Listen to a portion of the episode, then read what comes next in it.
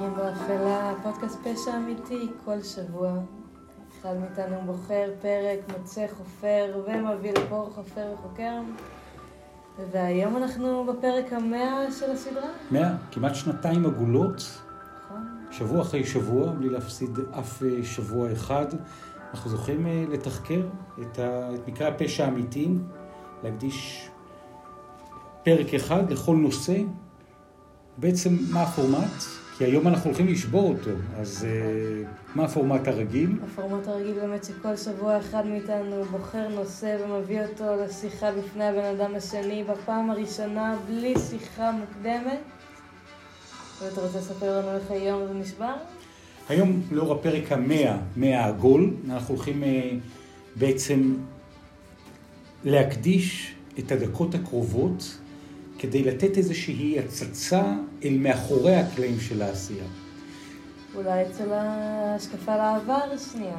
גם לדבר על... סיכום אה, ריקאפ חמוד. כן. אנחנו גם נציץ אל מאחורי הקלעים של איך זה נעשה, דרך כל אחד בחר שני סיפורים, או בוחר שני סיפורים, שהפרטנר שלו הוא שהביא לאורך מאה פרקים. אנחנו ביחד מבינים מה זה עשה, מה ההשפעה של זה, וזה גם בהשראת, אה, אני חושב, אה, פרקי יחסי הציבור שזכינו לעשות באולפני טלוויזיה, רדיו דיגיטלי וכולי, שבהם הרבה פעמים שאלנו על איך זה נעשה, מה קורה אחר כך, איך בוחרים את הנושאים.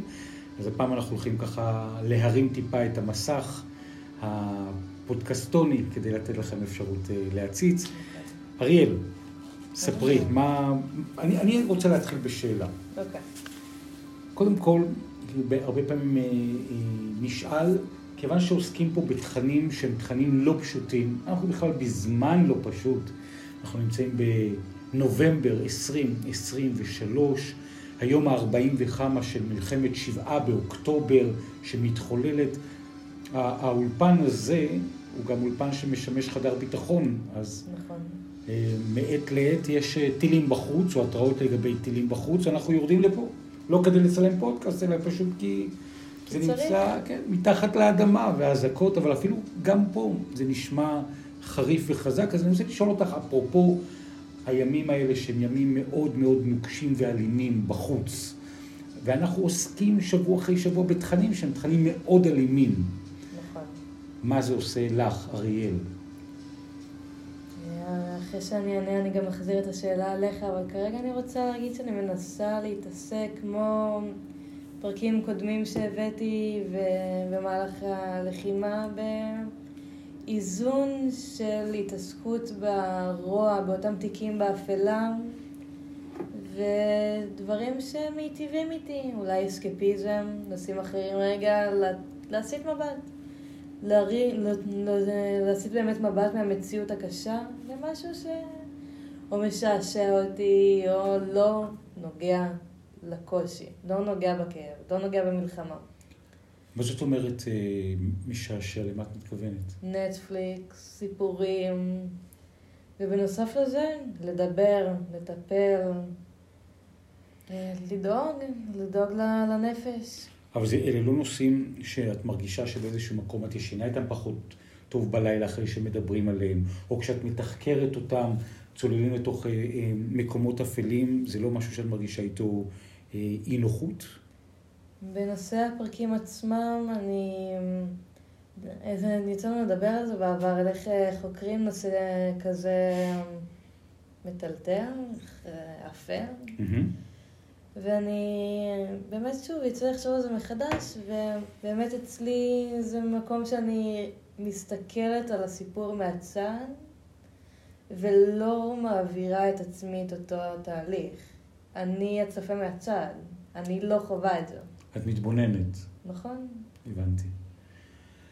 מעניין, אפרופו שאת מגלגלת את השאלה אליי, אני, אני רואה בפודקאסט הזה איזשהו מקום שהוא אה, קודם כל מכיר בזה שאלימות קשה היא תכונה אנושית, זה נכון. אין מה לעשות. אפשר, ל- בנוגע למלחמה, אני כן חווה את זה כי אני פה, אבל במחקר אני באמת לוקחת צעד אחורה. רציתי לעשות הבחנה רגע אני מבין. בדברים. חווה את זה באיזה מובן? שיש פה, כשאת שומעת עדי פיצוצים ממש קרובים והתיקים באפלה קרובים, אפרופו אלימות, את אומרת לעצמך? אני חווה בחוויה שלי, יש רעשים שמקפיצים. גם אם אני לא עכשיו במקום של לחץ, אני באיזה מתיחות, קול שנשמע לי כמו אזעקה, איזו התבוננות ברחוב של אה, לאן אני אלך אם עכשיו תתפוס אותי אזעקה. אז זה כן משהו שאני עכשיו חווה, אבל אני שוב מנסה להיטיב את זמני. אז המקום העמוק שאני חושב שבתוך תיקים באפלה, בטח אחרי 100 פרקים, כי זה פרק שהוא יותר, אה, כמו שאנחנו אומרים בעגה המשפחתית, חגיג. אז אה, מקום שא', מכיר בזה שרוע אנושי מלא ומוחלט הוא חלק מהתנהגות אנושית. ויצאנו פה לעסוק באמת ב... אה, עד עכשיו במיטב הפושעים, העבריינים, הנוכלים, הרוצחים. ש, ש, שרצים באנושות מאות אה, אה, שנים, אם לא אלפי. אז אה, זה דבר אחד, זה קודם כל ההכרה הזאת. דבר שני, שהזווית המיוחדת שאיתה אנחנו באים, היא זווית שבאיזשהו מקום באה ואומרת מאיפה זה הגיע. זאת אומרת, מתחקרת את זה כמעט, אני, אני אומר, אה, תקשורתית, במובן של מאיפה זה הגיע, מה, מה הפצע. מה לא קרה ומאיפה זה קרה. בדיוק, מאיפה זה קרה. לא לקבל, לא להסכים בשום צורה, אבל לנסות להבין מאיפה זה קרה, ככל שאפשר להבין. יש מעשה פשע שאי אפשר להבין, נקרא לזה בהתייחסות תקשורתית לגלגול הנוכחי, אולי מה שנקרא קרמה, מי שמאמין בזה, של גלגולים קודמים, אבל לנסות להבין באמת מאיפה זה הגיע. מה העניין הרגשי, ובעיקר איך אפשר במובן הזה אה, להיות אה, אה, מונעים. זאת אומרת, לראות איך אפשר בתהליכים מהסוג הזה להתריע, לראות סימנים אדומים, סימנים מעידים שאפשריים בהקשר הזה, כדי שאם מישהו רואה סימנים כאלה לידו, לא יכניס רוצח סדרתי אליו הביתה, נכון. לא יפתח פתח לאלימות בתוך חיים שלו, כי אפשר ללמוד מההיסטוריה ולא חייבים לשחזר אותה שוב נכון. ושוב ושוב. אמ, אז ככה, הפרק שאני רוצה ככה אה, לדבר איתך, שאת הבאת אותו, הוא פרק של האחים כן. מננדס. Mm, נכון, זה היה גם תהליך שעברנו בפרק בנוגע להעלאה. כן. כי זה הפרקים הראשונים שהוקלטו, ו... והם לא עלו לפי הסדר לציבור. נכון. זאת אומרת, הוא חיכה בפריזר, מה שנקרא בתוך השרתים, אחרי שהקלטנו וצילמנו אותו בערך... שבועות פלוס. מה שנקרא חודשים קצרים. אבל אז החלטת שאת משחררת אותו. תמצית הפרשה, אתם כמובן מוזמנים אה, להקשיב לפרק המלא. מדובר בזוג אחים. שחיים במה שנקרא בחלום האמריקאי. המשפחה שלהם אה, באמת נראתה כמו תמונה. בדיוק. האבא והאימא וכולי, אמריקאים, well-being, שכונה טובה, עשירים, עם הישגים, עד ש... יש רצח מזוויע במשפחה, ומסתבר שהאחים מועמדים ועומדים לדין על רצח נכון, האבא והאימא. ומה שמדהים הוא שבאמריקה כמו באמריקה הכל מתועד, הכל מוקלט, הכל מצולם. נכון. ואז אפשר לראות אותם מספרים על מעשי הזוועות שקרו. פרק מדהים, אבל אנחנו, פעם אני רוצה לשאול אותך שאלה. מבחינתך, מה גרם לך בסופו של דבר את ההחלטה לשחרר אותו החוצה? כי עשית פה עבודת תחקיר של הרבה שעות, ישבת על המון שעות חומר גלם כדי לשמוע את כל ההקלטות ולבחור איזה הקלטה אנחנו נשמיע בסאונדאפ בפנים ונראה וכולי. מה גרם לך בסופו של דבר לשחרר את זה לאוויר? באמת אותו הזמן של עבודה, כי אני, יש את העדויות שלהם באינטרנט. Mm-hmm. וישבתי ושמתי רשימה בכתב יד של תזמונים. אני זוכר את הניירות שהגעתי איתם לאולפן. ורציתי להפיק משהו מהעבודה שלי, אולי גם, גם של עשיתי משהו, אני רוצה לשים את זה בעולם, וגם אני חושבת שבאנו עם כוונה טובה בפרקים, עברנו מסרים שחשוב לי שיעברו. שיח שרציתי שייצא לעולם. ושהעבודה שלי באמת אה, תשפיע. שיח באמת של לדבר, להעלות דברים לפני השטח לפני שהם הגיעו לנקודת קיצון של, בנוגע לסיפור שלהם, רצח ההורים. זאת אומרת, ליצור או לעודד מצב שתהיה תקשורת בתוך המשפחה, גם לא במצבים כאלה קיצוניים ואקוטיים עוד הרבה לפני, אבא ואימא, ילדים, תדברו אחד עם השני כדי נכון. למנוע מצב שזה מתפוצץ פשוט עם, אה, נכון, עם אקדח ועם קטסטרופה אה, נוראית מהסוג הזה. נכון. הבנתי, אז זה היה השיקול בסופו של דבר. נייס. מה את רוצה לשאול אותי? איזה פרק מתוך העבר ככה מסקרן אותך? את האמת שבהתחלה תכננו לדבר על הפרקים וחשבנו על אה, כמה פרקים כל אחד מאיתנו יחשוב עליהם. אגב, במאמר מוסגר זה מאוד נדיר שאנחנו מדברים אחד עם השני פעם מאחורי ראשונה, הקלעים, נראה לדעתי, לי. פעם ראשונה. כשדיברנו על הפרקים עצמם. אבל לא דיברנו איזה פרקים נדבר. דיברנו על כמות, כמה פרקים כל אחד יביא, ו...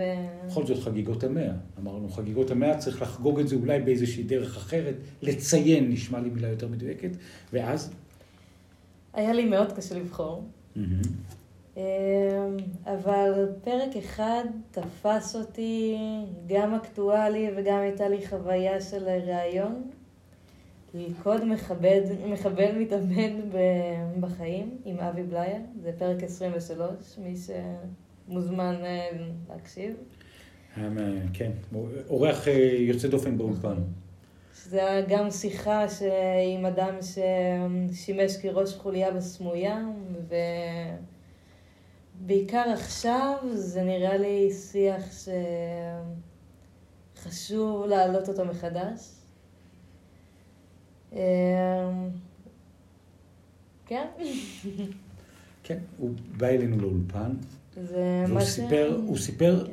נקודה שהיא נקודה מרתקת, כי הוא בא ואמר שהוא אה, הצליח להדריך, והוא מומחה לקרב מגע, עשה פה שפגטים, קאטות, עניינים בתוך האולפן, והוא הצליח בסופו של דבר לאמן מאבטח, שהצליח לעצור מחבל מתאבד, שאמור היה להגיע אליו, אל, אל תוך מועדון, עם פצצות, הצליח לעצור, הצליח לזהות, הצליח ללכוד, הצליח בסופו של דבר לעצור אותו חי ולעצור את ההתאבדות. לא, הפצצה לא התפוצצה בסופו של דבר. הסיבה שרציתי להביא את הפרק עכשיו, כי היה לי איזה, במרכאות מאוד גדולות, שעשוע, כי זה פרק מאוד התחלתי של סדרת הפרקים שלנו. זה פרק 23. אנחנו. בפרק 100, ו... סופר אקטואלי. ודיברת על זה בהתחלה באמת בנוגע למלחמה, וזה עלה לי איזה... אולי לרענן את השיחה ואת המודעות. אולי זה אין זווית שתעניין את הקהל שלנו לשמוע.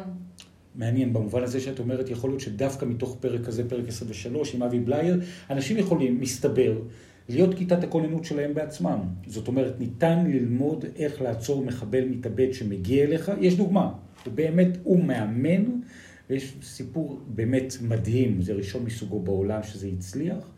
זאת אומרת, אפשר אנשים בבית שכרגע חווים לא מעט אה, אה, שאלות, חרדות, פחדים, הם יכולים לקבל השראה מתוך המקרה הזה. באיזשהו כן, מקום כן, גם, גם אם לא תעצרו פיזית באימון וזה, אפשר לקחת השראה של לעשות, לקחת את עצמך ולהפיק מ- מהעשייה שלך משהו. לא קשור ללוחמה בהכרח, לא קשור למצב האקטואלי, אלא אם משהו מפריע לכם, תלמדו. ותפיקו ממנו משהו. אפילו במובן התיאורטי. שזה נקודה שהיה לי חשוב להעלות. כן, נשמע לי באמת אה, נקודה משמעותית. הנקודה, עוד אה, אה, אה, נקרא לזה מקבץ מתוך הפרקים אה, שאת הבאת, שרציתי אה, להציף אותם בציון של פרק המאה, זה אה, הפרקים של על התפר שבין ג'ק המרטש, פרק שעלה ב-27 במאי, הוא עלה בשני חלקים, הוא רצף ההרג שטלטל את, אה, את לונדון, יש את חלק א', יש את חלק ב', והפרקים הללו של ג'ק המרטש, שאת הבאת בסופו של דבר דוגמה לרוע המוחלט. באיזשהו מקום, כן. כן, אדם שמשום מקום ריטש את הקורבנות, כתב כתובות נאצה על הקירות, נהנה מתוך מה שהוא עשה, כי אחר כך הוא התלוצץ במרכאות עם שוטרי משטרת לונדון. רצף של מכתבים. כן, כתב להם מכתבים, והמתיק סוד ולא המתיק סוד, ובתוך המקומות האלה אה, רציתי לשאול אותך, גם בראיית, נקרא לזה, מה שקורה כרגע, על הרוע המוחלט, ועל אנשים שנהנים לפגוע באחרים בצורה אה, אנושית מהתת-אדם, ממש מה-lower end של, של האנושות. אה, וזה אומר שזה כבר מאות שנים, ורציתי לשמוע איך הגעת לנושא הזה של ג'ק המרטש. מה, מה הוביל אותך למצוא את הפרק הזה דווקא, או את הסדרה הזאת בתור? אני אגיד לך מה, השם של ג'ק המרטש, יש בו איזה משהו, סיפור כביכול טיפוסי, הוא הסטריאוטיפ של הרוצח הסדרתי. זה שבגלל שלא מצאו אותו בסופו של דבר, גם השם שלו לא קיבל פנים, ככה שיש המון קריקטורות שלו, יש המון, אין אבל... לא יודעים מי זה. תיק שנותר באפלה. אז יש בזה משהו מאוד, אה, אפילו בפשט, מאוד סיפורי. סטריאוטיפי וסיפורי, כי המון סיפורים על רוצחים מתבססים על השם של ג'ק המרטש. זה הפך להיות פולקלור שלם, כי האנושות מאוד מאוד אוהבת, מעריכה ונמשכת למעשים של פשע קיצונית. זה דווקא מביא אותי לפרק ש... שלך שרציתי להעלות. שהוא? שהוא נגע בהערצה והילול של רוצחים סדרתיים. Mm-hmm. באמת הפרק אה, קראנו לו רוצחים סדרתיים, גיבור... גיבורי העל החדשים. זה היה גם לשעשע אותי כי זה פרק החמישי מהעגול. אה, זה לחזור שני חמישים פרקים אחורה, חצי מהפרקים ש... שדיברנו עליהם. באמת שזה היה, העלו לנו שם שאלות של הלגיטימציה של הפשע האמיתי, של הז'אנר פשע אמיתי כתוכניות טלוויזיה. סדרות בנטפליקס. דיברנו על זה בקשר לסדרה של דאמר שיצא אז. בהחלט. האמת היא שזה מעניין, כי גם מה שקורה כרגע, הרי מה יש? יש מעשה פשע יוצא דופן, סדרתי, קיצוני, עומד מאחורי איזה אדם, וכל האנושות, גם בארץ וגם בעולם, נצמדת למסכים. מרתק. כולם רואים. רייטינג C, מדברים על זה, הכלכלה נהיית... מעלה שאלות של מה כל כך מושך אותנו בפשעים. כן. אנחנו מתכנסים כל שבוע לדבר על פשע אמיתי, גם אם אנחנו מציגים נקודות של אור. כל שבוע אנחנו מדברים על פשע. יכול להיות שדרך זה אנחנו מאווררים משהו עמוק ש, שבאמת גם אנחנו נמשכים אליו. והמקום הזה, נגיד שלא היה, או כמעט ולא היה, או לא היה מקבל כזאת אה, הערה, גלוריפיקציה, במקום שאנשים כל כך נמשכים אליו, אנחנו מנסים באיזשהו מקום אה, לטפל בנושא הזה, נכון. אה, להאיר את המקומות ה... ה, נקרא לזה האיומים והמסוכסכים בנפשו של, ה, של הרוצח, או בנפשו של הפושע, או בנפשו של העבריין, אבל האנושות כאנושות מתמגנטת. נכון. ממש מתמג, מתמגנטת לפשע אמיתי, כן. למעשי רצח, קוראים, צמאים.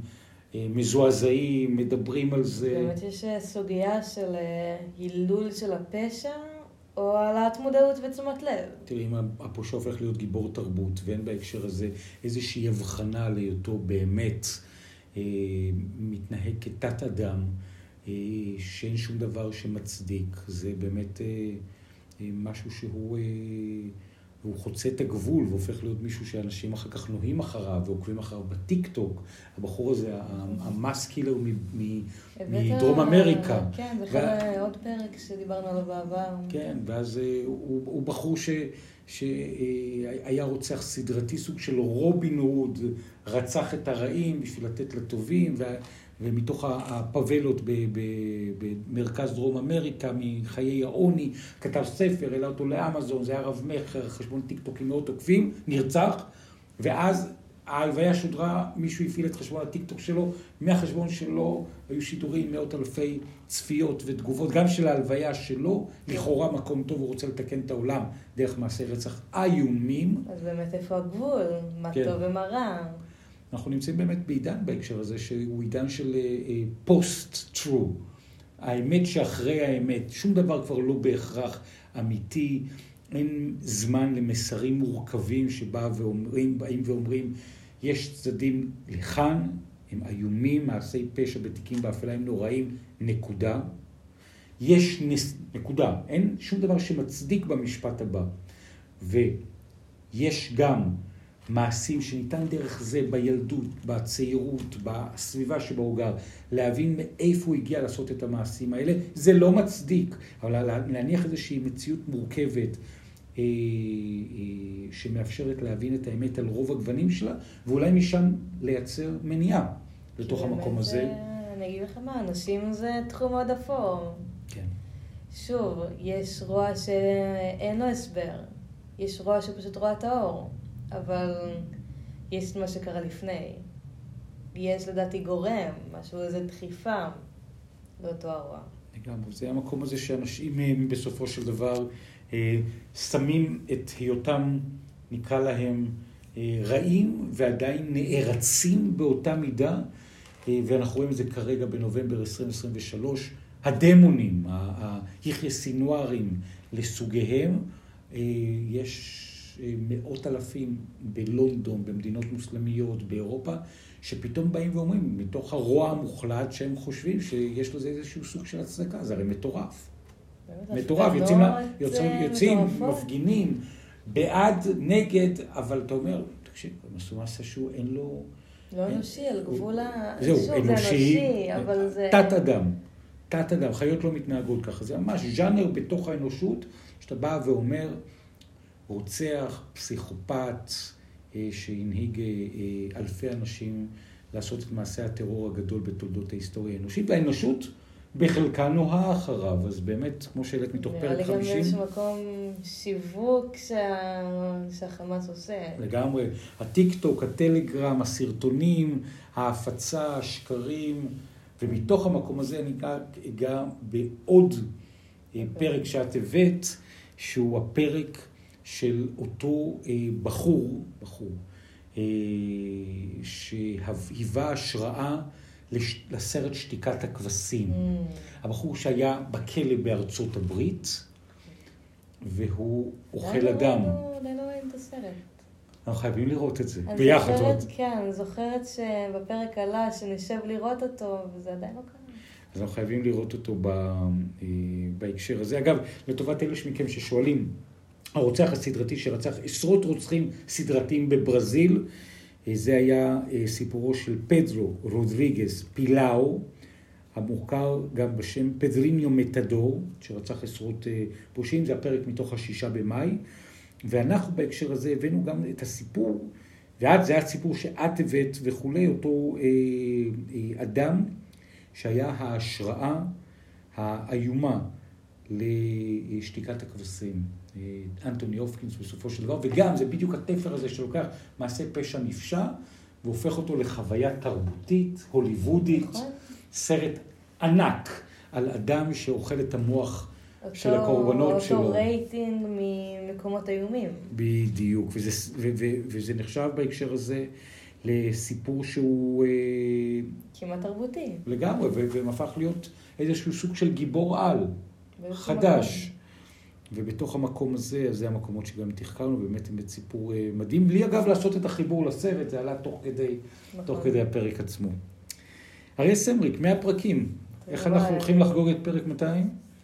יהיה לי עוד יותר קשה לבחור, כי אני אגיד לך מה, עלו לי כל כך הרבה פרקים שרציתי להעלות אותם, אבל להחזיק, אה, זה עבר סינון. ברור לי לגמרי. אז... Uh... גם הבאתי, גם לי יש מלא שאלות לשאול אותך על כל הפרקים, נקרא להם האקדמיים, על טקסי הפולחן, על המקומות הנוספים. היו באמת פרקים שניסיתי להביא בהם איזה שאלה... תרבות עמוקה. שאלה שלא בהכרח מתעסקת בנושא, ספצ... בסיפור ספציפי, אלא... למשל, משמעות המוות בספרי הדת. נכון. פרק מה-28 במאי.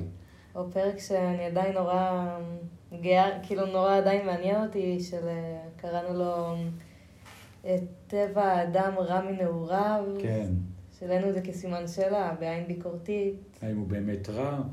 האם יש דרך לפתור את זה? אגב, בהקשר הזה, אפרופו אה, שתיקת הכבשים, הבוגימן, זה mm. שמו של אה, הרוצח שאת הבאת, שהביא השראה לסרט שתיקת הכבשים. הבוגימן יוצא מהצללים. הבוגימן הקניבל, אוי מה עוד אה, פרק שעולה לי מסדרת פרקים זה הייתה על הרוצחים למען האידיאולוגיה, שאלינו לקחנו שמות גדולים, ש... שמות ממשלתיים גדולים מההיסטוריה, למיניהם היטלר, פוטין, ו... כשרק התחילה, זהו, כשרק כן, התחילה הקרבות זה... באוקראינה. העלינו את זה בין אם לא הראשונים ששמו את השם שלו, של פוטין, אור כזה. לגמרי, ברוצחים הגדולים בהיסטוריה האנושית. נשאלתי אותך על זה בשיחה בינינו, ואני רוצה להעלות את זה גם כאן. היו לך ספקות לפני ששמת את השם שלו באור כזה של רצח? התשובה היא, היו לצורך העניין אה, סימני שאלה מקצועיים, מה הטיימינג לעשות את זה, אבל ברגע שהתרבו והוצלבו, שאנשים שאני סומך ומכיר עליהם, ומכיר אותם באופן אישי, שהיו באוקראינה וסיקרו אותם, דוגמת איתי אנגל, בכתבות ובסרטים המרתקים שעושה לי עובדה בהגשת ובהובלת אילנה דיין, או רונן ברגמן, שאני מכיר אותו גם מגיל 16, את איתי אני מכיר מגיל 18, שלי. אה, ורונן ברגמן, שהוא כתב של ידיעות אחרונות בניו יורק טיימס, עשה שם סדרה של סרטים, וראית עדויות שהם מביאים, שבאמת מתבצעים תוך כדי אה, הלחימה מעשים של פשע נגד האנושות, שלא נלחמים ככה, זה לא... גם נגיד שמצדיקים באיזשהו אופן ולא צבא מול צבא, נעשים שם מעשים נוראים, וברגע שהתרבו העדויות, אז הראשונים בעולם שבאו ואמרו פוטין מבצע מעשי אה, פשע נגד האנושות, זה היה פה בפודקאסט הזה, בתוכנית שלנו, ולימים אה, האג, בית הדין הבינלאומי, הוציא צו מעצר בינלאומי. שזה גם עלה כפרק. כן, כנגד פוטין בעקבות מעשי הפשע שהלכו והתיקים שהלכו ו... ונצברו נגדו, ואין לי שום ספק בהקשר הזה, שגם מה שקורה כרגע במעשי הפשע שנעשים או נעשו בשבעה באוקטובר, גם הם מעשי פשע חמורים ביותר נגד האנושות, שאין עליהם מחילה. אריה סמריק, פרק 100. אני רוצה להגיד לך... עגול ומעוגל. לגמרי. אני רוצה להגיד לך המון המון תודה על הפרק הזה, על השאלות שהבאת. אני כל כך שמח שיש לנו את הזכות אה, לעשות אה, במובן הזה אה, סדרה כזאת משותפת. כל שבוע. תודה לכם. תיקים באפלה, אתם מוזמנים להגיב, לשתף, אתם יכולים לשמוע פלטפורמות אהובות עליכם, ספוטיפיי, אפל פודקאסט, גוגל פודקאסט ומה שביניהם. אתם יכולים למצוא אותנו בקבוצת הפייסבוק, שם עולים כישורים, תמונות, עדכונים, פרטים, וגם בעמוד האינסטגרם, הכל הכל, בחיפוש תיקים באפלה. תודה רבה לכם. הסיפורים הגדולים בכל הזמנים של תיקים באפלה, 100 פרקים עגולים, ניפגש בשבוע הבא בפרק הבא.